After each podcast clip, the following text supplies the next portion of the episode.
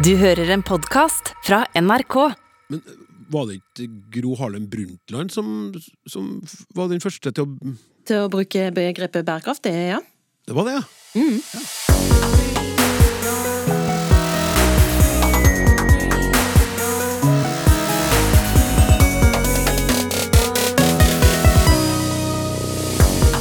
Enhver bedrift med respekt for seg sjøl inkluderer ordet bærekraft når de skal beskrive sine vyer og verdier, uten at de nødvendigvis kan stå for hva ordet faktisk betyr og krever.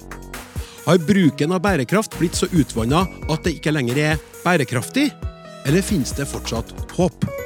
Språksnakk i NRK P2. Ekstra hjertelig velkommen til denne utgaven av Språksnakk, som i tillegg til å sette søkelys på bærekraft, også vil ha et visst amorøst preg. Det er nemlig straks eh, valentinsdag, og i den anledning ser vi nærmere på noen av de viktigste ordene innen kjærlighetens etymologi. Mange er ganske så glad i norsk språk generelt, så også dagens gjest i Ut med språket, kultur- og likestillingsminister Anette Trettebergstuen. Veldig spent på hennes favorittord, må jeg si. Nye norske ord dukker stadig opp. Jakta på årets nyord 2022 er godt i gang. Vi ser på noen av dem som allerede dukka opp, men nå først skal det handle om krafta i ordet bærekraft.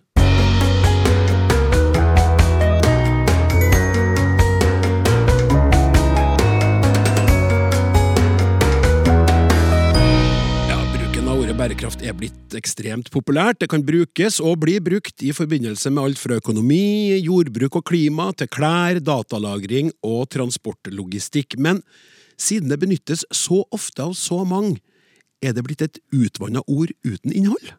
Driver vi i dag med en lite bærekraftig bruk av begrepet bærekraft? Og hva kan vi i så fall gjøre med det? Til å forsøke å svare på det her har vi fått med oss en litt annerledes trio enn vanlig i Språksnakk, i alle fall ved to av dem. Vi har med oss leder i Framtiden i våre hender, Anja Bakken Riise. Vi har med oss fra Forbrukertilsynet seksjonssjef tilsyn, Tonje Drevland, og dessuten språkforsker Kristin Torjesen Marti. Velkommen til dere. Tusen takk. Takk skal du ha. Kristin, eh, du har jo forska på ordet bærekraft, og har sagt at begrepet har blitt et honnørord i så mange sammenhenger at det kanskje nesten mister betydningen sin. Hva legger du i det?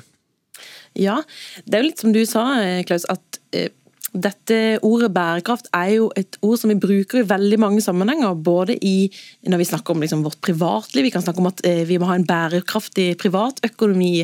Um, i ja, alle bedrifter må ha en bærekraftstrategi.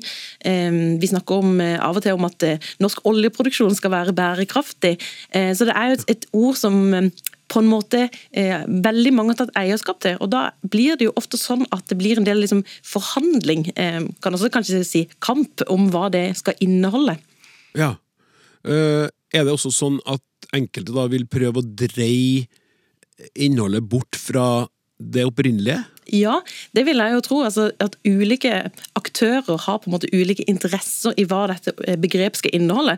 Altså, siden vi er på språksnakk, så, så jeg tenker jeg at det er ikke så unaturlig å starte liksom i ordboka.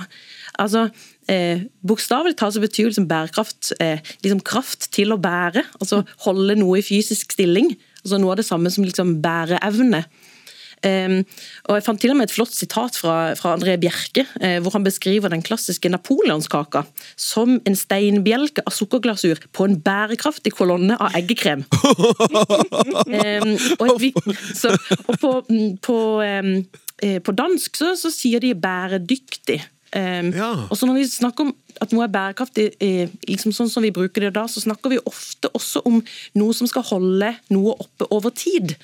Altså noe er holdbart. På, på svensk så sier de holdbar, eh, altså holdbar utvikling. Ja. Um, Ja, for det for begrepet som vi nå snakker om, sånn som vi forstår det, mm. dukka jo første gang opp med eh, vår felles Framtid-rapporten til Gro Harlem Brundtland og flere da, i 1987. stemmer. Hva slags innhold hadde bærekraftbegrepet da? Da handla det jo ikke om eh, en velsmakende napoleonskake. Nei, altså sånn som de definerte eh, bærekraftig utvikling i den rapporten, så er det eh, altså en utvikling som prøver å imøtekomme dagens behov uten å ødelegge mulighetene for at kommende generasjoner skal få dekka sine behov. Så Det er jo liksom en, en, tanke om hvordan vi skal drive utvikling eh, på en måte som ja, er holdbar over tid. Um, og så er det for så vidt ikke noe nytt eh, der at det er et litt sånn omdiskutert begrep. Eh, for Allerede når den rapporten kom, så var det en del som stilte spørsmål ved, ved det begrepet. For så var det en del som sa at det er for utydelig hva vi mener med dette nåtidas behov. altså hva er imøtekomme dagens behov, hvilken standard skal vi sette for hvilke behov vi må, vi må tilfredsstille. Eh, og så er det også eh, Noen som mente at det var, den definisjonen la altfor mye vekt på menneskers behov, altså på bekostning av f.eks. Mm. Eh, andre, andre arter i naturen. Og så er det også eh, noe som har vært mye diskutert rundt det begrepet, altså sammensetning av disse ordene bærekraftig utvikling, om man har diskutert om er det i det hele tatt eh, mulig å sette de to ordene sammen. Altså Er det mulig å kombinere økonomisk vekst, eller få økonomisk vekst uten å, at det går på bekostning av klima og naturmangfold? Er, er, økonomisk vekst en forutsetning for bærekraftig utvikling, eller er det egentlig en, en del av problemet? Ja, Så, er, eh, altså, jeg, Hvis jeg kan stoppe deg litt der, for mm. der, er, der har du satt opp et veldig spennende dilemma mm. som ligger i det her ordet. Og da tenker jeg at eh, du, Anja Bakken Riise, som, som er leder i Framtiden i våre hender, eh, kan komme på banen. Eh, fra ditt ståsted, hva er problemet med bruken av ordet bærekraft i dag? Mm. Ja, nei, jeg syns jo at, at, Kristin drar opp dilemmaene her på en god måte. fordi i det opprinnelige begrepet så, så snakker man om både bærekraft økonomisk, sosialt og miljømessig. Eh, og, og mange eh, er kritisk til det her til det her begrepet fordi at ja, hvis du er finansminister, da, så, så vektlegger du den økonomiske bærekraften høyere enn den miljømessige. Mm. Eh, så, så, og det, det, det, er jo vi i miljøbevegelsen vant med, at, at, mange smykker seg med begrepet bærekraftig, men så er det kanskje eh, så vektlegger dem eller hensyntar noe annet enn det vi eh, mener er viktigst eh, i den sammenhengen. Men jeg må bare si at selv om jeg, jeg, anerkjenner kritikken og, og, er på en måte eh, er enig i at kan, begrepet kan bli litt hult eh, når det brukes på en måte sånn at man legger hva man vil i det, men samtidig så syns jeg at det er noe positivt fordi at det begrepet inneholder en sånn helhetlig tankegang. Eh, veldig mange av de miljøutfordringene som eh, vi i Framtiden våre hender jobber eh, for å finne løsninger på, da ser vi jo at miljøutfordringen henger sammen med eh, utnyttelse av arbeidere, henger sammen med eh, fattigdom, f.eks. Altså, ta f.eks. tekstilindustrien, som er noe vi fokuserer mye på. Det har vært ja. mye snakk om i det siste. Ikke sant? Det er bergene eller dalene fulle av klær. Ikke sant. Altså, den eh, ørkenen i Atacama-ørkenen i Chile, der vi har fått sånne forferdelige bilder med, med kleshauger eh, som fylles opp, eh, så, så, kan du si ja, der ser du åpenbart miljøutfordringer fra denne bransjen. Den står også for enorme klimagassutslipp, kjemikaliebruk osv. Men det som driver de miljøproblemene fram, er jo bl.a. at Eh, du har eh, millioner av arbeidere som ikke får en lønn å leve av, og som går til utrygge eh, arbeidshverdager. Det er en del av grunnen til at de klærne er så billige, og til at vi produserer så mye klær som så ender opp med å bli kasta. Der ser du den der helheten, eller behovet for å se disse utfordringene i, sammenheng. Og, og, Sånn sett så, så syns jeg jo også at at bærekraft er et godt eh, begrep fordi at du kan kombinere og se sammenhengene i de utfordringene vi snakker om. Ja, eh, men, men hvordan, fra ditt ståsted i, i miljøbevegelsen, hvordan har du observert at bruken av ordet har utvikla seg? Nei, altså vi, vi, ser jo nå at eh, næringslivet har fått med seg at folk ønsker å ta gode miljøvalg. Eh, og da begynner næringslivet å være hva skal jeg si, lemfeldig i å smykke seg med begreper som bærekraftig, klimavennlig, grønt osv. Eh, det som er mye av problemet med det her, er at de bruker disse merkelappene uten at de sier noe om hva skal jeg si, indikatorene, altså hvordan vi skal kunne måle at de faktisk er det. Eh, så på en måte så, ja, hvis, hvis, et selskap sier at ja, vi, vi, driver bærekraftig, så ja, ok, hvis de kan dokumentere det, eh, hvis de kan vise meg på en måte eh, klimaregnskapet sitt og vannforbruket og energiforbruket, altså hvis de faktisk kan vise til at de ikke påføre eh, natur, mennesker, eh, større lidelser eller tar ut større ressurser fra naturen enn det naturen sjøl klarer å regenerere, som jo er litt av kjernen i, i, bærekraftsbegrepet. Hvis den kan faktisk dokumentere det, så greit nok, da skal den få lov til å smykke seg med det begrepet. Men det er altså vi, det, det, jeg tror nesten ikke det finnes noen Jeg tror ikke det engang finnes nesten et menneske som kan si at, at man lever bærekraftig. Altså, eh, så, så, så, til nå så har eh, selskapene vært eh, i overkant ivrig på å bruke de begrepene uten å kunne ja, vise til dokumentasjon på at det stemmer. Ja, Der kommer jo bl.a. Forbrukertilsynet inn. da, Tonje Drevland, mm. dere, dere ser faktisk på lovligheten i å bruke ordet bærekraft? Ja, vi gjør faktisk det. Og det, man kan jo spørre da, hvorfor er Forbrukertilsynet opptatt av uh, ordet bærekraft? Jo, vår aksje inn i det er jo nettopp, som du er inne på, Klaus, at vi vurderer faktisk vi at det i enkelte sammenhenger, ganske mange sammenhenger, kan være ulovlig.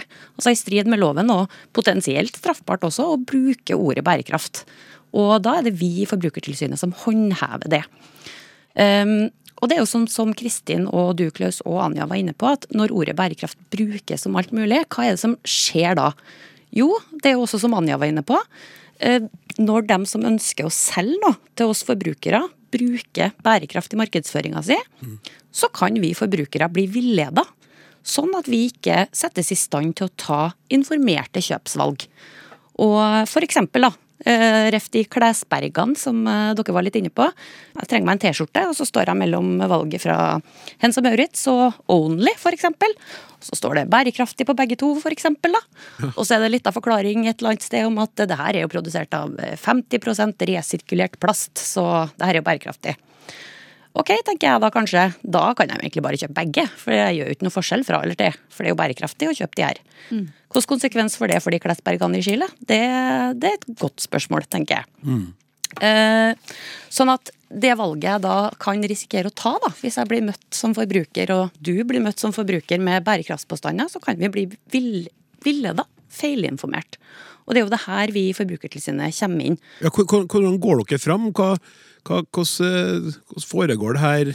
Det er et veldig godt spørsmål. For ja. vi fører jo da faktisk tilsyn med de næringsdrivende som driver med markedsføring mot forbrukere. Vi har ikke noe kompetanse til å gjøre noe med f.eks. Eh, si at det er en utleier da, som eh, leier ut tilsynelatende bærekraftige kontorlokaler til næringsvirksomhet. Da kan ikke vi gjøre noe med det. Nei. Men med en gang eh, alle selskaper som har markedsføring av produkter, tjenester, virksomheten sin mot forbrukere, da kommer vi inn. Og da har vi markedsføringsloven som vi bruker aktivt i dette arbeidet. Fordi markedsføringsloven den forbyr villedende markedsføring. Det er jo hvorfor vi er interessert i det. Altså, vi, vi har en lov som vi håndhever. Og vi har ikke noen egen definisjon i Forbrukertilsynet av bærekraft. Det står ikke i loven hva bærekraft skal bety i loven.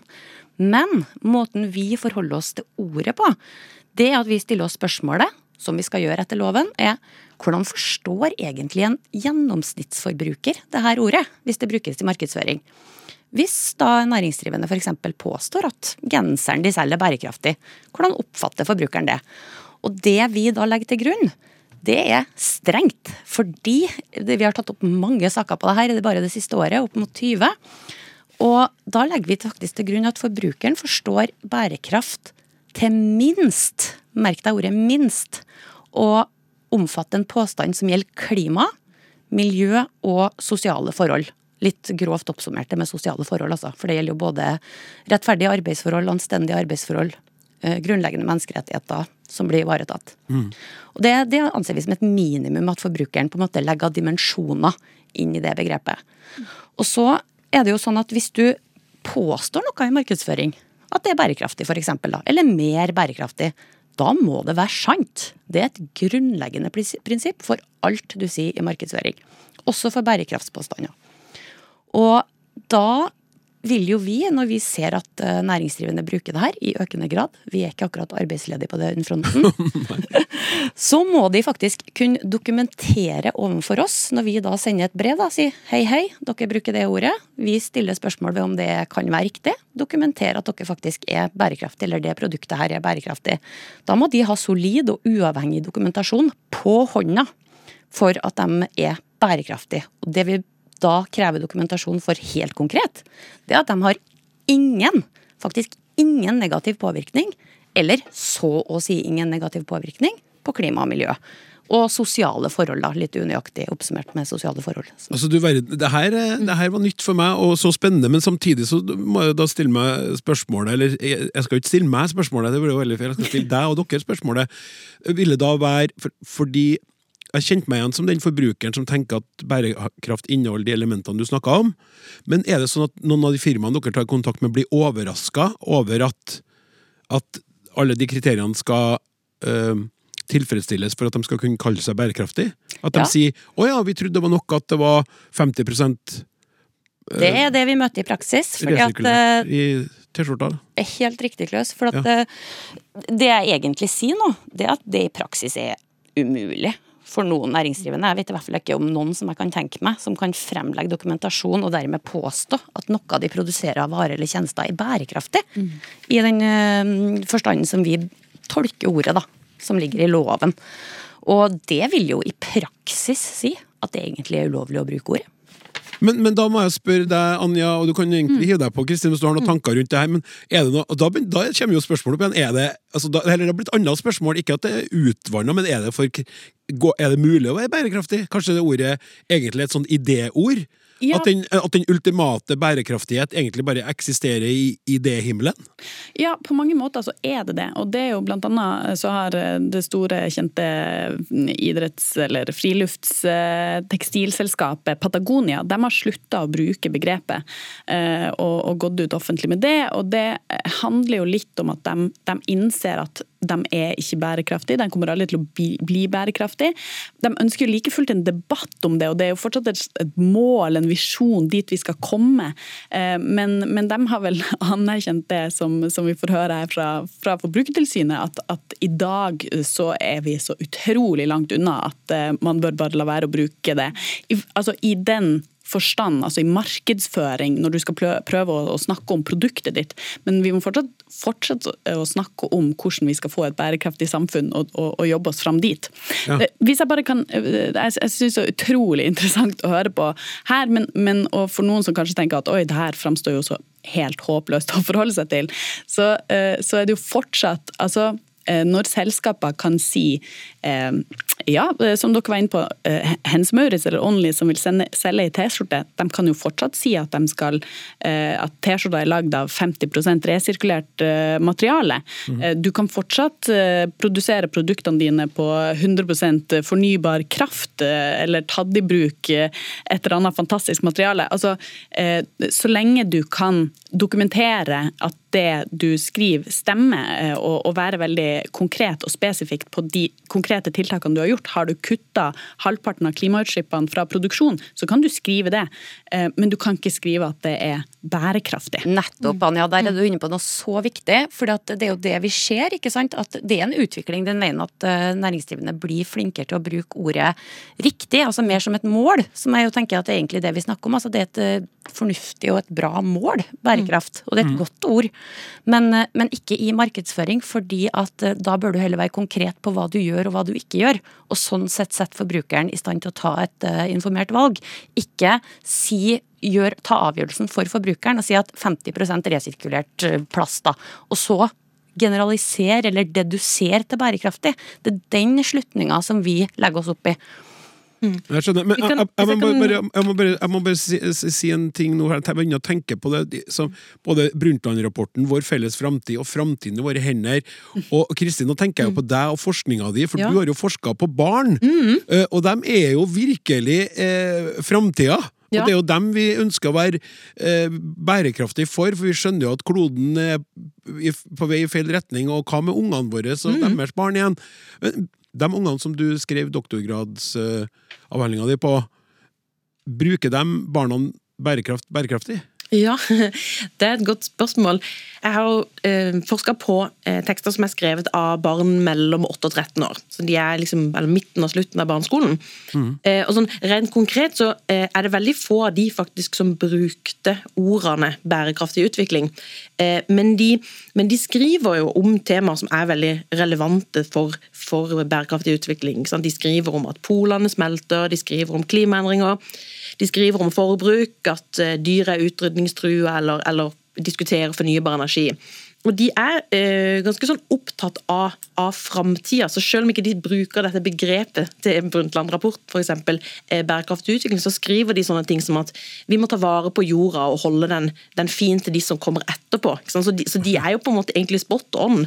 Um, og en ting som jeg, som jeg fant ut eh, når jeg leste alle disse tekstene, da, litt over 200 tekster, det er at disse barna er veldig personlig engasjert for spesielt kanskje miljø og klima. Det er nok denne miljødimensjonen ved bærekraftig utvikling som de er mest opptatt av. Og De er veldig tydelige på at liksom alle har et ansvar for å ta vare på miljøet. Eh, inkludert de sjøl. de eh, det som jeg da ser, er at eh, mange av de barna forstår bærekraft ganske individuelt. Altså, de er ja. veldig opptatt av liksom, hva kan jeg gjøre eh, for å redde klimaet. Um, og de har veldig tro på at at eh, liksom, mange bekker små gjør en stor å. Altså at, at, det jeg gjør i hverdagen liksom bidrar og, og, får store effekter. Så Derfor så skriver de f.eks. Eh, sånne ting som at hvis jeg, hvis jeg, kaster søppel og leverer tomflasker og bruker mindre strøm, så blir, blir jorda fin, og da vil ingen dø av forurensning. Eh, og det er, jo, det er, jo, veldig positivt, og det er ikke så veldig overraskende når vi ser på liksom, eh, holdningsundersøkelser og sånn fra unge voksne og ungdom, at det er, så, eh, det er jo positivt at barn og unge er, er engasjert, og at de innstilt på å gjøre en innsats.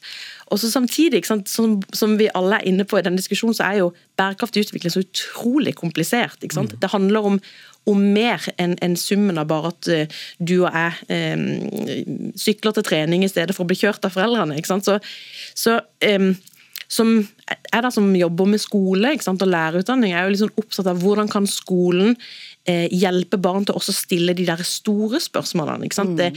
Hvem er det som har mer makt enn meg? Vi har begge, både Forbrukertilsynet og, og, flere er inne på, på liksom, eh, bedriftene, næringslivet. Hvem er det som har mer makt enn meg, eh, jente 11 år, til å endre på dette? Hvordan mm. kan jeg påvirke de? Hvorfor er politikk viktig? Hvorfor er det viktig at jeg stemmer når jeg får stemmerett? Hvorfor er det viktig hva jeg stemmer? Hvorfor bør jeg melde meg inn i en organisasjon? Ikke sant? Så eh, som skole så har vi liksom en jobb eh, i og det å liksom løfte de spørsmålene også for barn eh, opp til et liksom mer kollektivt nivå. altså Hvordan kan vi jobbe sammen som samfunn eh, for, for, bærekraftig utvikling. og Det, det er noen som jeg sier, en, de fleste av disse barna skriver ganske sånn konkret om, om sitt eget liv og, og hvordan de sjøl kan f.eks. Ja, kildesortering er jo sånn tema som de skriver veldig mye om. Mm. Um, som har vært liksom, et sånn kompetansemål i læreplanen i naturfag, så det er ikke så rart at de skriver mye om det. Men det finnes noen eksempler i det materialet, syns jeg, på um, at elevene har fått noen oppgaver fra sin lærer, sine lærere til å eh, løfte dette opp på et litt sånn høyere nivå. Eh, blant annet et sånn, en oppgave hvor elever, skulle, en, elever på syvende trinn skulle skrive taler til FN om, om hvor de skulle overbevise da, verdenslederne i FN til å satse mer på fornybar energi. Eh? Veldig? Thunberg-scenen. Mm -hmm. så det er også noen sånne gode eksempler, syns jeg, på at Eh, noen lærere som har lagd oppgaver til barna som handler om eh, bærekraftsutfordringer i deres lokale miljø. Løfte, disse spørsmålene er så utrolig komplekse. så er det lett å tenke at sånn, Hvordan kan vi snakke med barn om disse store sammenhengene? Eh, men det å f.eks. knytte an til ja, ting som skjer i lokalmiljøet. Jeg har, en, har et eksempel fra, fra de tekstene hvor elevene har tatt utgangspunkt i en Eh, sak med en gruvebedrift, altså en bedrift som vil starte gruvedrift i lokalmiljøet, og det får noen konsekvenser for en fjord, f.eks. Mm. Eh, så, så skal barna skrive leserinnlegg til lokalaviser om hva de sier om det. Så det å liksom hjelpe de til å se noen sånne Kritisere noen maktmennesker, eh, snakke på et litt sånn høyere plan, men allikevel innenfor en kontekst de liksom kjenner. Det har jeg ganske sånn tro på. og At de også får liksom eh, kjenne på det å være liksom medborgere, er jo et, ord vi er glad i i skolen. Eh? At de skal liksom få tre ut på liksom, samfunnsscenen. Det Mhm. tror jeg kan være ganske, ganske nyttig for dem. Jeg syns jo Kristin, at du er inne på noe veldig interessant her. da, for at du, du bekrefter jo egentlig det Anja var inne på. ikke sant, At folk, herunder barn og unge, de er interessert i å ta gode miljøvalg. Og litt sånn, altså beviser man egentlig, Det beste beviset vi kan finne på det, det er jo egentlig det at næringsdrivende bruker det her i markedsføring. ikke sant? De legger ikke ned millioner av kroner i markedsføringskampanjer om bærekraft hvis de ikke har gjort en vurdering på forhånd om at det er noe folk er opptatt av. Og da er det jo nettopp det jeg vil understreke igjen, ikke sant? det er viktigheten av at man ikke blir villeda og dermed kanskje desillusjonert, da. Eh, også som barn og unge som er blitt nylig opptatt av det her begrepet. Og at man da ikke mister enda mer betydninga av det begrepet her. Da. Vi må ta det litt tilbake, og det Ja, tenker jeg er mulig. Det er akkurat det, og det tenker jeg at må bli mitt siste spørsmål nå, fordi nå har vi også både diskutert eh, det her begrepets kompleksitet, og også at det er utvanna, at det er blitt litt sånn honnørord som mange slenger om seg med, fordi at det er eh, viktig i tida, uten at man kanskje kan innestå for eh, bruken av det. Da må jeg spørre dere til slutt, da, kjære panel, skal vi finne et nytt ord, eller er det fortsatt håp for bærekraft? Nei, jeg tror, eh, jeg tror vi godt kan beholde det. altså. Eh, Jeg er enig med de andre som sier at, at eh, det vi kanskje ber med å diskutere, er jo liksom hva, hva ligger i det. Eh, Og Som skoleforsker så er jeg også opptatt av at vi har en oppgave i skolen å hjelpe barn til å forholde seg kritisk til, eh, dette, til alle typer begreper, inkludert dette. Mm. Altså, Jeg er som sagt en, en slags fan av bærekraftsbegrepet, eh, men jeg mener at vi må bruke det eh, riktig. Det betyr mest mulig konkret. Vi har også eh, FNs bærekraftsmål, som er 17 mål, som er veldig tydelig og konkret. Hvis du som bedrift lurer på om du kan markedsføre deg på den ene eller den andre måten, så ta utgangspunkt i f.eks. ett av de målene som du eller dere har jobba mye med, eh, og, og vær veldig tydelig på akkurat hva det er eh, dere gjør og eller ikke gjør, og at dere gjør ting som er vesentlig. Eh, altså eh, eh, ikke løft fram de små tingene eh, av deres virksomhet, men ta fram de store, betydningsfulle tingene, og, og være mest mulig konkret om akkurat hva det er dere gjør. Og Tonje til slutt? Tiltres. Ah, så bra! Tusen takk skal dere ha for en litt annerledes diskusjon i Språksnakk. Håper du som hørte på syns det her var interessant. Det syns i alle fall jeg. Takk til leder i Framtiden i våre hender, Anja Bakken Riise, eh, Forbrukertilsynets Tonje Drevland og språkforsker Kristin Torjesen Marti. Takk for oss. Takk for. Språksnakk. Hver fredag i appen NRK Radio. 2022 er godt i gang, og jakta på årets nyord eh, likeså. Eh, Vi har vært innom Språkrådets nettsider og lurkikka, og har funnet to eh, artige ord der. ene er ståsykkel, for elsparkesyklene er jo egentlig ikke sparkesykler. Det er jo ingen som sparker på dem, eller kanskje noen sparker på dem, det er faktisk ganske mange som har gjort. Men ingen sparker når de står på dem. Det er ståsykler med motor. Og det påpekte Fedrelandsvennen først. Og så har vi ordet trusebot. Norges strandhåndballag ble jo ilagt en ganske stor bot etter å ha stilt i shorts eh, på en kamp, sånn i protest. Og folk ringte i hopetall for å vise sin støtte og være med på å betale denne bota. Først eh, nevnt på NRK, det her ordet trusebot. Har du, kjære lytter, et nyord som du mener å, å ha oppdaga eller tenkt ut? Skriv til oss, snakk krøllalfa.nrk.no, og gi oss ditt ny, nyord, og så hjelper vi Språkrådet eh, i jakta på årets ord. Da er det på tide å ta imot ukas gjest i Ut med språket. Hun starta i ny jobb i skikkelig medvind, men fikk fort så mye kjeft at ørene flagra. Skulle bare mangle det, når man er minister for et kulturliv i kne på grunn av korona.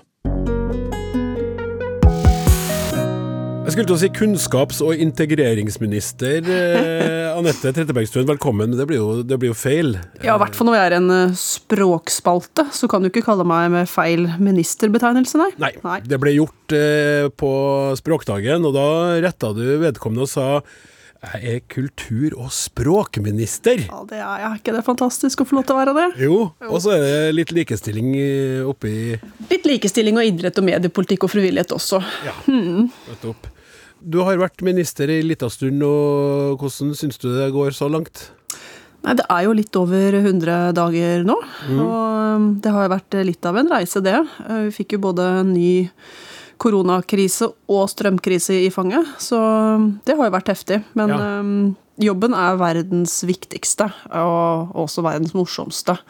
Og jeg føler meg heldig som får lov til å være eh, kulturminister. Og det er jo også viktig når det er krise, og det spiller en rolle hvem som styrer. Og vi har gjort så godt vi kan. Prøver å berge kulturlivet gjennom denne krisa her. Og frivilligheten og idretten også. Og ja, jobbe på spreng sammen med dem for å komme med krisetiltak som treffer bedre, og ja, lage regler som gjør at vi holder smittevern, men som kan holde hjula i gang.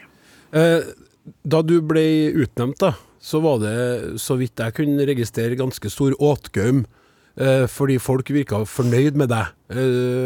Eh, eh, Du blir omtalt som et kulturmenneske, kulturinteressert, egna for jobben, eh, flink politiker sånn generelt. Og egentlig mye, mye sånn jubel fra andre partiplasser også. Hvis var, folk var kulturinteressert. Og så, etter hvert, så snudde jo stemninga litt, da.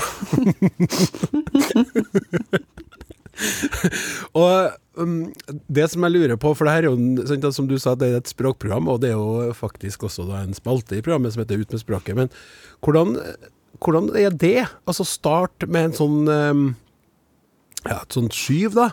Og så plutselig stå i ganske sterk motvind. Hvordan er det? Det er jo en side ved den jobben her også, det er viktig. At eh, sant, nå er det jo en ny omgang, en ny omdreining med koronakrise. Og selvfølgelig er store deler av kulturlivet ekstremt fortvilt, lei, slitne og også forbanna over at vi nok en gang måtte komme med smitteverntiltak som gjør at de som lever av å la folk møtes, måtte stenge ned jobben sin eller nedskalere. Det forstår jeg veldig godt, ja. og jeg forstår veldig godt at de har behov for å få det ut, og at de syns vi som representerer regjering og myndigheter er noen forbanna mennesker akkurat da. Så det er jobben min, er jo å få kjeft. Og det skjønner jeg veldig godt, og det tar jeg på strak arm. Og forsøker å forklare hvorfor dette er nødvendig, eh, for det er ingen av oss som liker det. Men også samtidig jobbe for at de kompenserende støtteordningene som vi har hatt, skulle bli bedre. Da. Og det har vi jo gjort gjennom dialog og, og gode samtaler med kulturlivet. Nå er det jo heldigvis sånn at vi kan møtes igjen, så håper vi at meteren ryker eh, ganske snart. Ja, øh, for oppi det hele nå på, for litt siden, så da var jeg på vei, vei til jobb, og så hørte jeg på Nyhetsmorgen, og da, da var du der. Og da uttalte du deg om øh, et eller annet knytta til koronaen, men da, da kom det også et sånt uttrykk som jeg hadde veldig sansen for, og da tenkte jeg på språkmennesket deg, da.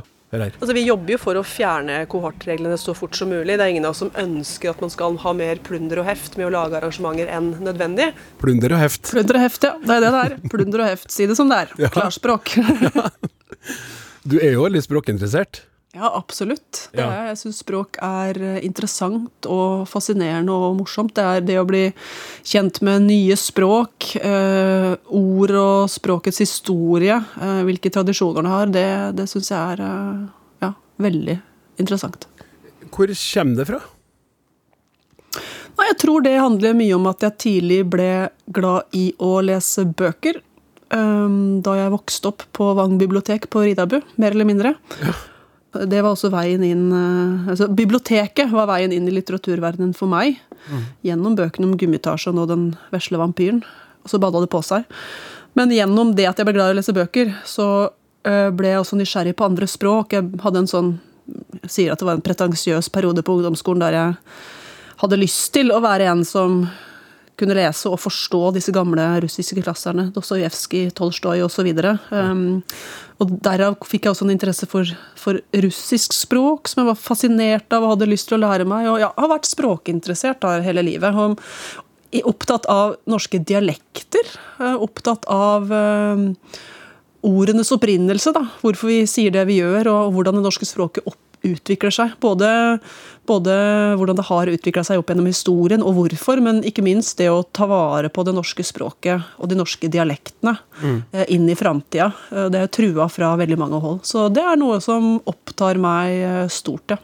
Ja, for du, det, Der sa du det, trua fra mange hold. Vi er, jo, vi er jo ikke av de minste, men vi er ganske små og få. Ja, vi er ikke av de minste, men, men relativt, et relativt lite språkområde mm. Norsken er. Og det er jo slik at eh, vi ser jo at det, bruken av engelsk i vår dagligtale, det brer jo om seg som ild i tørt gress. Eh, jeg liker det ikke. Og det har vært flere eksempler på det. at vi, Deler av akademia f.eks. så bruker man nesten ikke norsk. At det er umulig og Man utvikler ikke fagspråk på norsk, men man bruker konsekvent engelsk. Og det, der er det noe viktig som går tapt hvis man ikke gjør noe med det. Men også at vi går ned på Karl Johan og i gatene i de små og store byene og stedene vi bor og ser at butikker stadig økende grad heter ting på engelsk. Ja. Mm. Ungdommen som bruker engelske og norske ord om hverandre. og Nå høres det sikkert ut som en sånn sur, gammel tante, men det er, eh, det er viktig, dette her, altså. Og eh, jeg kritiserer ikke de unge for å bruke låneord fra engelsk, det gjør de uten å tenke seg om, men vi som politikere er nødt til å gjennom politikken sørge for at det norske språket bevares og holder stand. Og det kan vi gjøre eh, ved å ta mange grep, da. Ja, men, men sånn som f.eks. når institusjoner får engelske navn. Ja. Eh, og så Språkrådet er på banen og prøver å si fra, mm. og blir ikke hørt. Ja, det der er en stor uting, og det vil jeg ha en slutt på. Jeg syns det er eh, helt borte vekk at eh, norske institusjoner og norske aktører skal få engelske eh, navn, eller navn som egentlig ingen, ikke sier noen ting om kjernevirksomheten. Og når Språkrådet, som eh, er vårt eh, hva skal jeg si, språkkompetansesenter, advarer eh, mot bruken av enkelte navn, men ikke blir hørt, så syns jeg det er, ja, det er for dårlig. Ja. Og det vil du gjøre noe med? Ja, absolutt. Jeg mener at Språkrådets stilling skal styrkes, og at Språkrådet skal lyttes til. Vi har en rekke eksempler på det jeg mener er dårlige navnevalg på, på kjente, gode virksomheter. Vy Mesta, eh, Equinor, eh, Oslo Met. Ja, Oslo Science City er det nyeste. Eh, vi må bruke gode norske betegnelser på gode norske virksomheter, rett og slett. Vi har en ny språklov. Ja. ja. Den er nettopp trådt i kraft. Ja, og den, den trådte i kraft med deg som minister for språket, men samtidig har jeg skjønt at du gjerne skulle ha kvessa den litt? Ja, da jeg var her så heldig å få sitte i kulturkomiteen og være med på å vedta språkloven, så foreslo jo jeg og Arbeiderpartiet en rekke styrkinger i den, fordi vi er opptatt av å eh, bevare og utvikle begge de norske målformene, og vi ville styrke nynorskens eh, stilling. Nå fikk jo ikke vi gjennomslag for de kravene. Vi foreslo også å, å, å, stramme opp og gi Språkrådet mer myndighet. Ehm, men nå er loven eh, trådt i kraft, og så blir min oppgave som språkminister å følge med på at den håndheves, at den tas i bruk, og at eh, at lovens, uh, lovens, formål nås. Da. Og jeg er ikke fremmed for å stramme til mer hvis vi ser at, uh, at det, lovens paragrafer og, og lovens um, mål ikke, ikke virker etter hensikten. Nei, for, Før jul så hadde vi Språksnakk nynorsk spesial. Eh, satt av hele timen til å diskutere nynorsken eh, i dag og nynorskens fremtid. Og da, den samme dagen så kom jo nyheten om at bare 6% av barnebøkene utgis på nynorsk, ja. f.eks. Ja. Det er jo et ganske begredelig tall. Det er det, eh, absolutt. Og det må, det må økes. Eh, det er altfor alt for dårlig. Og jeg håper jo også at språkloven, da, som, altså språk, En lov har jo på en måte to funksjoner. Den har noen, et sett av regler som skal følges, og pålegg og retningslinjer, men den er også normativ. Eh, og det at den loven også er med på å løfte opp og, og, og styrke nynorskens stilling, håper jeg er med på å, å få opp folks øyne hvor viktig dette er. Eh, og så tenker jeg at vi har en lang vei å gå i at folk som er brukere av nynorsk, får eh, muligheten til å til å, å, lese nyheter, bøker, ta undervisning eh, på sin egen målform. Der vet vi at det er store mangler. Så dette er noe som vi som regjering er opptatt av. Utdanningsministeren, kunnskapsministeren og jeg jobber tett og godt sammen om det her. Og målet vårt er jo at man i større grad skal få et mangfold av publikasjoner og nyheter, og ja, også kan studere på egen målform. Mm. Som, som, skrivende så har du gitt ut ei bok som kom i 2017. Ja som het Homo. Det gjør det, vet du. Som handler om hvordan disse homogreiene funker. ja. og det er også litt sånn eh, det, det, høres jo kanskje litt sånn platt og banalt ut, men eh, Jeg syns det, var veldig Jeg synes det var faktisk veldig Jeg, jeg lo godt på Jeg tror jeg lo på rette måten. Jeg synes det var veldig artig, artig og fritt, fritt fram formulert. Ja, og, og, det er en baktanke rundt eh, de formuleringene der i, i både tittel og undertittel, og det er at um, hvis man pakker kompliserte politiske spørsmål inn i vanskelige begreper, vanskelige ord, mm. så blir det kanskje fremmed for folk å kunne delta i debattene. Det er vanskelig å forstå. Og grunnen til at boka heter Homo, og hvordan disse homogreiene fungerer, eh, det er jo fordi at jeg vel ofte opplever at eh, folk er litt redde for å ta i den politikken og den, de, ta del i de samtalene rundt LHBTI-folks levekår og problemer, for at man er redd for om man har misforstått noe, eller redd for om man kanskje ikke har alle begrepene inne. Mm. Og da får man litt berøringsangst. Mens jeg uh, mener at uh, det er ikke så farlig. Um, om du bare kaller det da de homogreiene, hvis du ikke helt har stokka disse bokstavene riktig. Men, men spør allikevel, og delta i en samtale om disse tingene. Ikke føl deg fremmedgjort eller ha berøringsangst for et tema fordi at du kanskje er redd for at du har begrepene litt feil. Da. Derfor så heter boka Homo. Ja, jeg, jeg, jeg, jeg syns det er veldig fint. Jeg kjenner meg igjen. Jeg, ja. kan, jeg kan, kjenne på en usikkerhet uh, rundt det der og mange andre ting der jeg i dagens Altså det, det er blitt sånn strengere, føles det på et vis. Man i hvert fall føler, opplever at det er det. Og er redd for å være klø, klønete. Ikke sant? Si noe som sårer noen, eller som blir oppfatta som man er bakpå. Mm -hmm. Reaksjonær og utdatert. Ja, og, da, og fordi at du og veldig veldig mange andre, og jeg også ofte, når det gjelder andre ting, føler at åh, det her jeg føler meg ikke helt sikker på, så da unngår jeg å spørre eller unngår å kommentere, og da går vi glipp av veldig mange givende og opplysende samtaler, egentlig. Og Vi går glipp av eh, egen utvikling, som vi kanskje hadde hatt dersom vi hadde turt å spørre eller hadde turt å delta til de samtalene, hvis vi ikke var redd for å si noe feil. Ja. Men nå da, når du er minister, da har du folk rundt deg som eh, hjelper deg med å forstå deg også? ja, jeg har jo det. Men det syns jeg høres så deilig ut. Men jeg tror jo på å være ærlig på det man ikke forstår, og det man ikke kan. Ja. Det kan vel ikke være noe gærent i det. Vi kan ikke, Ingen av oss er supermennesker, ingen av oss kan alt. Vi tråkker feil av og til, og er det så farlig? Nei. Men du, eh, når det gjelder du, du, har skrevet bok, eh, og det med bøker i Norge er også et sånt eh, stridstema. Boklov. Ja. Det er du opptatt av? Ny, Å ja, det var boklov. Eh, noe av det aller første jeg gjorde når jeg fikk hengt av meg eh, jakka på kontoret som jeg da tok over til, fra Abid Jaja, det var å sette i gang arbeidet med boklov. Det var i gang etter et par dager, og det jobbes på spreng med den nå. Det, er, eh, det blir utrolig spennende og utrolig viktig. For det handler jo egentlig rett og slett om å sikre et mangfold av forskjellige titler og et mangfold av eh, forskjellige bøker eh, og litteratur tilgjengelig for folk på bibliotekene der du bor, uavhengig om du bor på bygd eller i bygda eller i, i byen, eh, og at forfatterne som skriver bøkene skal få betalt. Mm. Og det den loven egentlig regulerer, er det at at det kan lønne seg å gi ut også titler som anses som smale. Da. At det ikke bare er den populære krimmen som vi vet at selger, som kan komme ut, men uh, mindre diktbøker og uh, ulik sakprosa. Ja, det mangfoldet som vi liker å ha. Da. Så det er um, den, den, blir viktig. Da Var det ikke sånn at den bokloven, eller det var arbeidet med en boklov som var på gang da den andre regjeringa tok over for en god del år siden? jo, Hadia Tajik, som da var kulturminister, hadde rukket å legge fram forslaget til en boklov i 2013. Men da høyreregjeringa tok over, så var noe av det første de gjorde, å trekke tilbake den loven. For de ønska ikke å regulere bokmarkedet på den måten. Nei. Så nå har vi åtte tapte år, men vi er i gang igjen. Ja. Eh, skulle, det, det, som jeg tenkte på med det, var fordi eh, alle de, de vyene du har, da, all den derre ja, virketrangen nå, som mm. ny minister, ikke sant?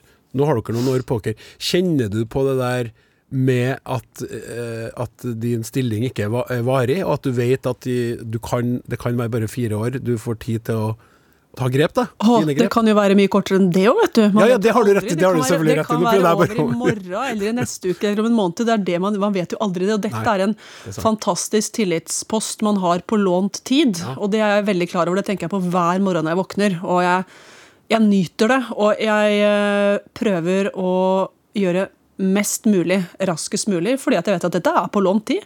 Det er nå jeg har sjansen. eh, Og ja, så det er med meg hver eneste dag.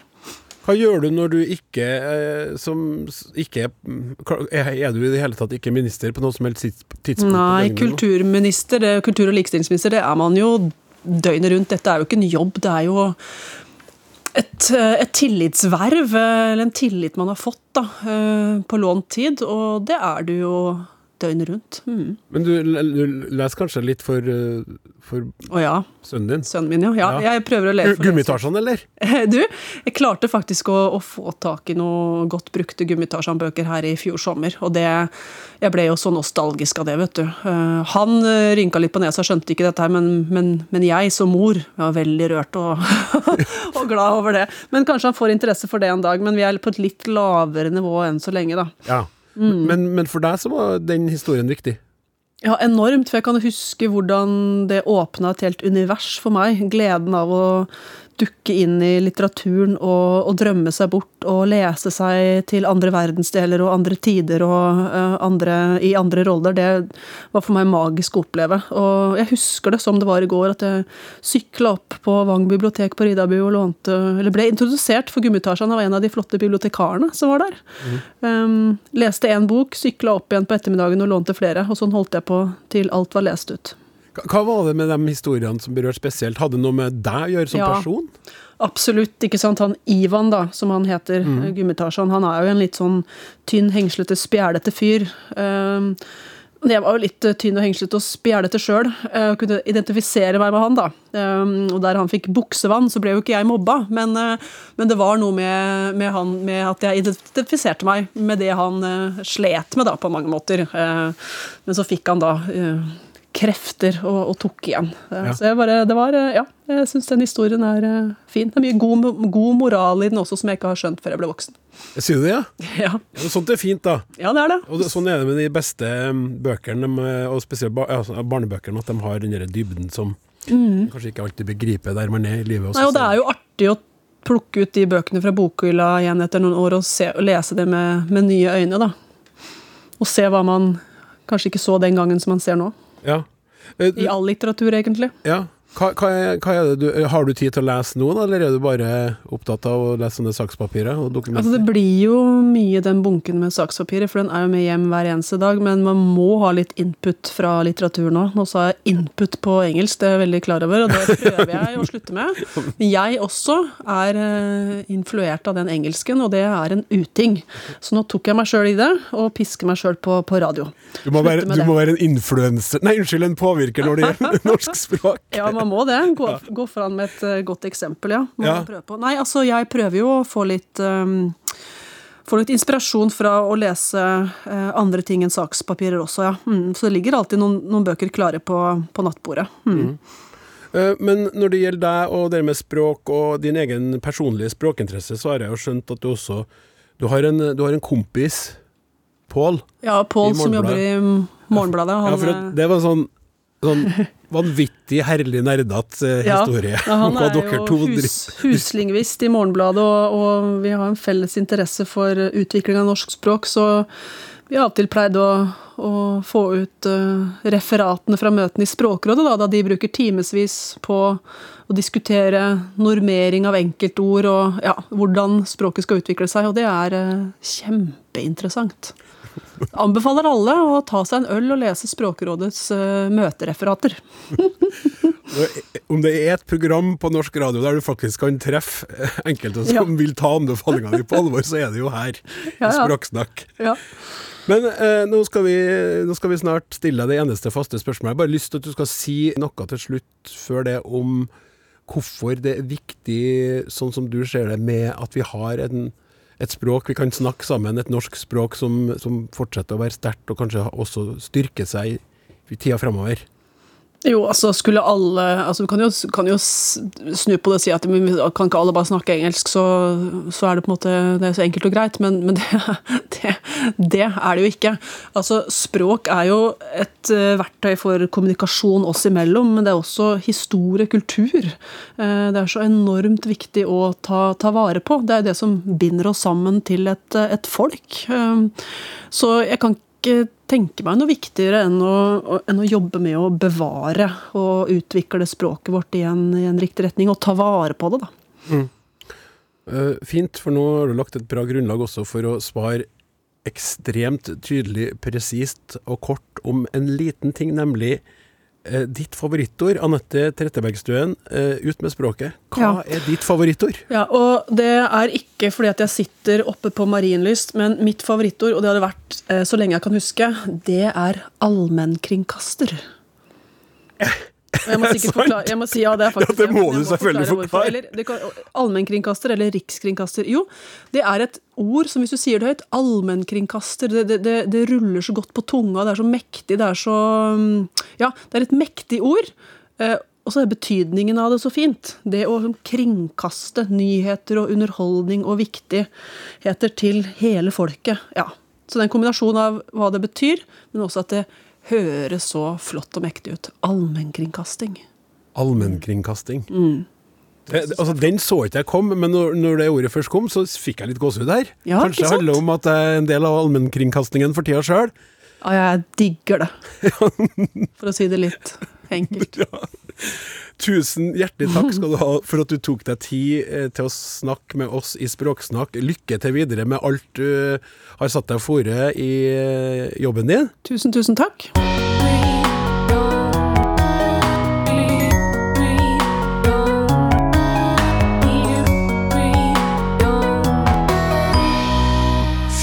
februar Valentinsdagen er dagen da blomsterbutikkene tømmes og restaurantene fylles opp av eh, forelska par som sitter to og to med stjerner i øynene og hvisker romantiske ord til hverandre over levende lys. Ja, sånn får vi i alle fall håpe at det er å bli, men eh, det spørsmålet vi i Språksnakk stiller oss når vi ser for oss dette bildet, er selvsagt eh, hvor kommer de her kjærlighetsordene fra? Hva er det egentlig de her forelska menneskene sitter og sier til hverandre? For å svare på det, så har vi kalt inn kjærlighetsordeksperten Jan de Caprona. Jan har skrevet boka Kjærlighetens etymologi, som var skal vi si en brennheit oppfølger til storverket Norsk etymologisk ordbok, som han vel fortjent fikk Brageprisen for. Velkommen til oss, Jan. Mm. Takk. Du skal guide oss gjennom opprinnelsen til noen av de viktigste kjærlighetsordene. og Kan Har ikke vi da like godt starte med ordet kjærlighet? Ja, eh, kjærlighet det bygger på ordet kjær, som eh, kommer via norrønt eh, av gammelfransk skjær, som i sin tur er avledet latin carus, som betyr kjær, kostbart. Ja. Og vi finner igjen dette latin carus i engelsk to carus og kjærtegnet charity, nestkjærlighet, veldedighet, mm. og i to cherish, for pleie, holde av. Og norsk kjær inngår selvsagt i noe som kjæreste, kjærlig og kjærlighet. Men hvis man går enda lenger tilbake, til det som er en felles rot for uh, indoeuropeiske språk, fra islandsk til singalesisk på Sri Lanka, denne roten er ka. Ha kjær, begjære, ønske. Og veldig ofte ord om kjærlighet uh, bygger på ha kjær og begjære, begge to. To litt forskjellige begrep. Mm. Og dette uh, ka er også reflekt, reflektert i norsk drive hor. Drive hor? Ja, seksuell nei. omgang utenfor ekteskap, som nei. det står i Bibelen. Nei, nei, nei. nei, nei. og, og, det står også i sanskrit, eller gammelindisk, i kama, kjærlighet, ønske, som i navnet til den kjente indiske boken om kjærlighet og elskov, Kamasutra. Ja, ok. Nå, nå henta du deg bra inn igjen. men, men, men den her, den derre litt sånn svulstige eh, kjærligheten da, som vi ofte får beskrevet i, i sånne ridderromaner og sånn. Hvor kommer det fra? Ja, Ridderlig kjærlighet er noe som oppsto i de meget eh, populære ridderromanene fra middelalderen. Og Den første av dem er den keltiske fortellingen om Tristan og Isolde og deres eh, forbytte og tragiske kjærlighet. Og Den ble enormt populær, den ble oversatt til alle mulige språk, ja. til og med på færøysk. Og Felles for disse romaner det var en ridder som var forelsket med en uoppnåelig dame av høyere rang, og dessuten allerede gift, eller i det minste forlovet til en annen. Oh. Og denne ridderen det eneste han kunne håpe, var et kyss, for ellers var alt var upassende. Og disse rom, uh, ridderromanene det ble latterlig, varig latterliggjort av romanen Don Quijote, uh, med den tapre og helt virkelighetsfjerne ridderen som skulle slåss mot alle, til og med mot vindmøller, for å imponere sin dame Dulcinea, som selvsagt ikke ante om noe, hun visste ikke at, uh, at det fantes en Don Quijote. Ridder i kjærlighet fikk imidlertid en viss renessanse under romantismen uh, i, i, i romantismens uh, litteratur og filmer. Okay. Men her kan mannen som gjør kur, som han sa, han kan gifte seg med sin dame. Men for at det skal bli en god roman eller film, eller film så må slutten likevel være tragisk. Oh, ja. Slutten, de giftet seg, levde lykkelig og fikk mange barn, den holder bare for barnesagaer, barnesager, ikke for en god film okay. eller, eller roman. Jeg skjønner. Mm. Men, men altså, hvis, hvis, hvis man kjøl, følger føler kjærlighet overfor noen, så, så elsker man, eller så er man forelska i vedkommende, eller begge deler. Eller, her trenger vi også litt sånn oppklaring, da. Ja. Forelskelse og, og det å elske. Det, Ja, det er litt, det er litt forskjellige ting. Og, uh, når, på norsk så har man to forskjellige ord. Forelskelse og kjærlighet. Mens engelsk de har bare ett ord, love, og fransk for eksempel, de har bare ett ord, amour. amour. Ja. Som den norske filosofen Arne Næss sa, forelskelse er en vidunderlig, men tid, tidsbegrenset form for galskap. Ja. Så man kan si at forelskelse er altomfattende lidenskap som ikke gir rom for tvil. Man har bare ett mål for øyet, det er den elskede, og det er den ene og eneste uh, rette. Men virkelig kjærlighet det oppstår når forelskelsen har brent bort. Der vil paret kunne se om de har dannet nok bånd til å kunne fortsette i hverdagen. Det var utrolig fint sagt. Ja, det må jeg si. Eh, Men, men, men eh, hvor eh, kommer Ordet 'elske' Ja, hvor kommer ordet 'elske' fra? Det går tilbake til norrønt 'elsk', som nærer kjærlighet til. og Opprinnelsen er litt usikker, men eh, et forslag er at det går tilbake til germansk 'eila', ild. Vil si at 'elsk' opprinnelig kan ha betydd nære, varme følelser for noen. Her må jeg påpeke at betydningen har seksuell, seksuell omgang med, eh, den er av nyere dato. Ja. Så det å e- e- elske med noen, med noen det, det, det kom seinere. Ja. Du elsker ikke med noen. ja. Men, men altså, hvis man da kjøper blomster til kjæresten sin, og har bestilt eh, bord på restaurant, og, og, og har pynt, man pynter seg, går ut og man sier fine ting, og sånn, så vil kanskje kjæresten forhåpentligvis oppleve det som romantisk. Hvor kommer det her ordet romantisk fra? Først hadde vi ordet romanse. og Det var en fortellende, stemningsfull dikt eller sang. Så eh, gikk det over til romantisk forhold, forelskelse. Ja. Og det kommer gjennom fransk av spansk romanse. Fortelling eller dikt på et romansk vulgærspråk. Og det er fordi i begynnelsen av middelalderen så var ikke språk som begynte å, bli, å utvikle seg som spansk og fransk, som kom fra, fra Romas språk, mm. det var ikke eh, maktspråket. Maktspråket da var gotisk eller fransk. Ja. Så uh, disse, disse fortellingene de, Det var ikke overklassen som, eh, som, brukte, som eh, leste dem. Eh, og etterpå så har man dannet ordet romanti, romantikk, som kommer av engelsk romantic eller fransk, fransk romantikk. Og den første betydningen var 'som hører til romaner'. Og uh, i romaner er det ofte mye fantasi og sterke følelser. Ja.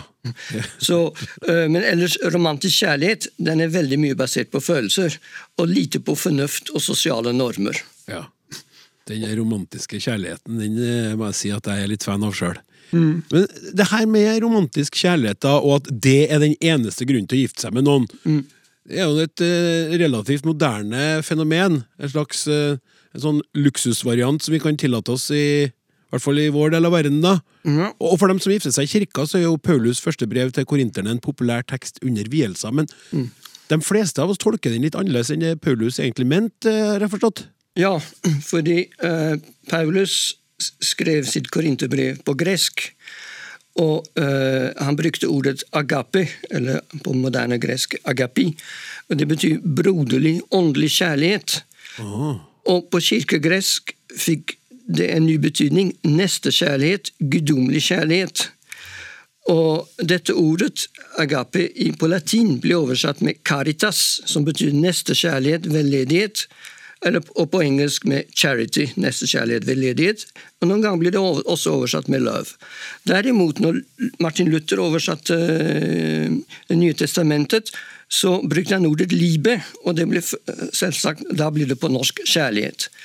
Men uh, å oversette uh, dette kjente sitatet med uh, nestekjærlighet, det går bra i, i kirken. Men eh, det passer litt mindre i en bryllupstale. Tenk dersom bryllups, bryllupsparet på middagen hadde fått høre tro, håp og nestekjærlighet, men størst av alt er nestekjærlighet. Jeg tror de hadde vært litt forundret, lurer på hvor er vi nå? Ja, ja, det er sant. Eh, og så er det da den her berømmelige valentinsdagen som har kommet også til vårt land, da, og som setter så mye press på så mange i et forhold. Eh, hvor kommer det her begrepet og fenomenet fra? Det er en skikk som oppsto på slutten av 1500-tallet sørover i Europa. Uh, og Det kommer sannsynligvis av den gamle folketroen at fuglene begynte å pare seg på denne dagen. Uh, at, at, at, Hvem begynte å pare seg på denne dagen? Fuglene. Å oh ja, akkurat. Ja. Jeg tror ikke de gjør det her, men kanskje, kanskje Italia. Men festen har kanskje også uh, røtter i, i, gamle romerske festligheter som fant sted i, i, februar, og det var for renslighet og fruktbarhet. Ja. I forbindelse med at uh, det ble et nytt år. Der, før så begynte å, uh, Årets siste måned var februar, og den, den første måneden var mars. Ja. Og 14. februar er også festdagen for flere helgener, kalt Valentinus. Eh, blant annet en romersk prest som døde som martyr på 200-tallet fordi han til tross for keiserens forbud viet kristne par. Men den, kom, den kommersialiseringen av valentinsdag den er ganske ny. Den begynte i USA og Europa på 1990-tallet. Så klart. Mm. Det meste av sånt kommer fra USA. Mm -hmm. ja. Nei, så, men helt til slutt, da, så kan det jo hende at noen benytter valentinsdagen til å fri til sin kjære. Og hvis eh, vedkommende sier ja, ja, ja, så blir det bryllup. Ja. Bryllup, det ordet der. Ja, det, det, er et ord som uh, trolig uh, kommer fra ordene brud og løp, eller løp. Og Det betyr rask hjemføring av bruden. Okay. og Det vil si at ordet kan henvise til det gamle bruderovet, som var en etablert tradisjon. Hvis noen syns det er litt ekkelt, så kan du tenke på det islandske ordet for bryllup, som kanskje ikke er så mye bedre. Det er brudkaup, det vil si kjøp av bruden. en annen gammel tradisjon som vi ser over hele Europa, er at det er faren som i kirken bringer datteren til ektemannen. Derimot en tradisjon som mange tror er veldig gammel, den er relativt ny. Det er å gifte seg i hvitt. Ja. Før så giftet man seg i fargerike klær, og bunader er fargerike. Mm. I tillegg så hadde man ikke råd til å ha uh, en kjole uh, som man bare kunne bruke for en dag i livet. Så skjedde det at man oppdaget ruinene i Pompeii uh, ca. 1760-1770. Og Da begynte interesse for Roma å vokse. Så kom den franske revolusjonen, og da begynte rike damer å kle seg i hvitt, som oldtidens grekere og romere. Så å kle seg i hvitt var en hyllest, en republikansk hyllest til republikkene i Roma og Aten. Men moten spredde seg i England, og der selvsagt så, så var uh, republikk fy. Så det hvite ble forbundet med renhet, kyskhet og jomfrudom. Og den første kjendis som giftet seg i hvitt, var dronning Victoria i 1840. Du verden. Altså, det her er spennende. Nå har vi jo gitt eh, de her eh, eh, folkene som skal ut eh, og, og spise på mm. valentinsdagen, masse å prate om! Ja. vi ønsker dem alle lykke til. Tusen takk skal du ha, Jan de Caprona, takk. for at du var med oss og lærte oss litt mer om kjærlighetens etymologi. Mm. Tusen takk. Språksnakk er slutt for i dag. I redaksjonen Martin Våge, Hilde Zahl og Randi Lillehalteren. Jeg heter Klaus Sonstad. Så må dere huske på det, da, dere som har en partner som er opptatt av uh, Valentine's Day, eller valentinsdagen. Ikke glem den, ikke sant? for det kan uh, få katastrofale følger. Vi snakkes! Du har hørt en podkast fra NRK. De nyeste episodene hører du først i appen NRK Radio.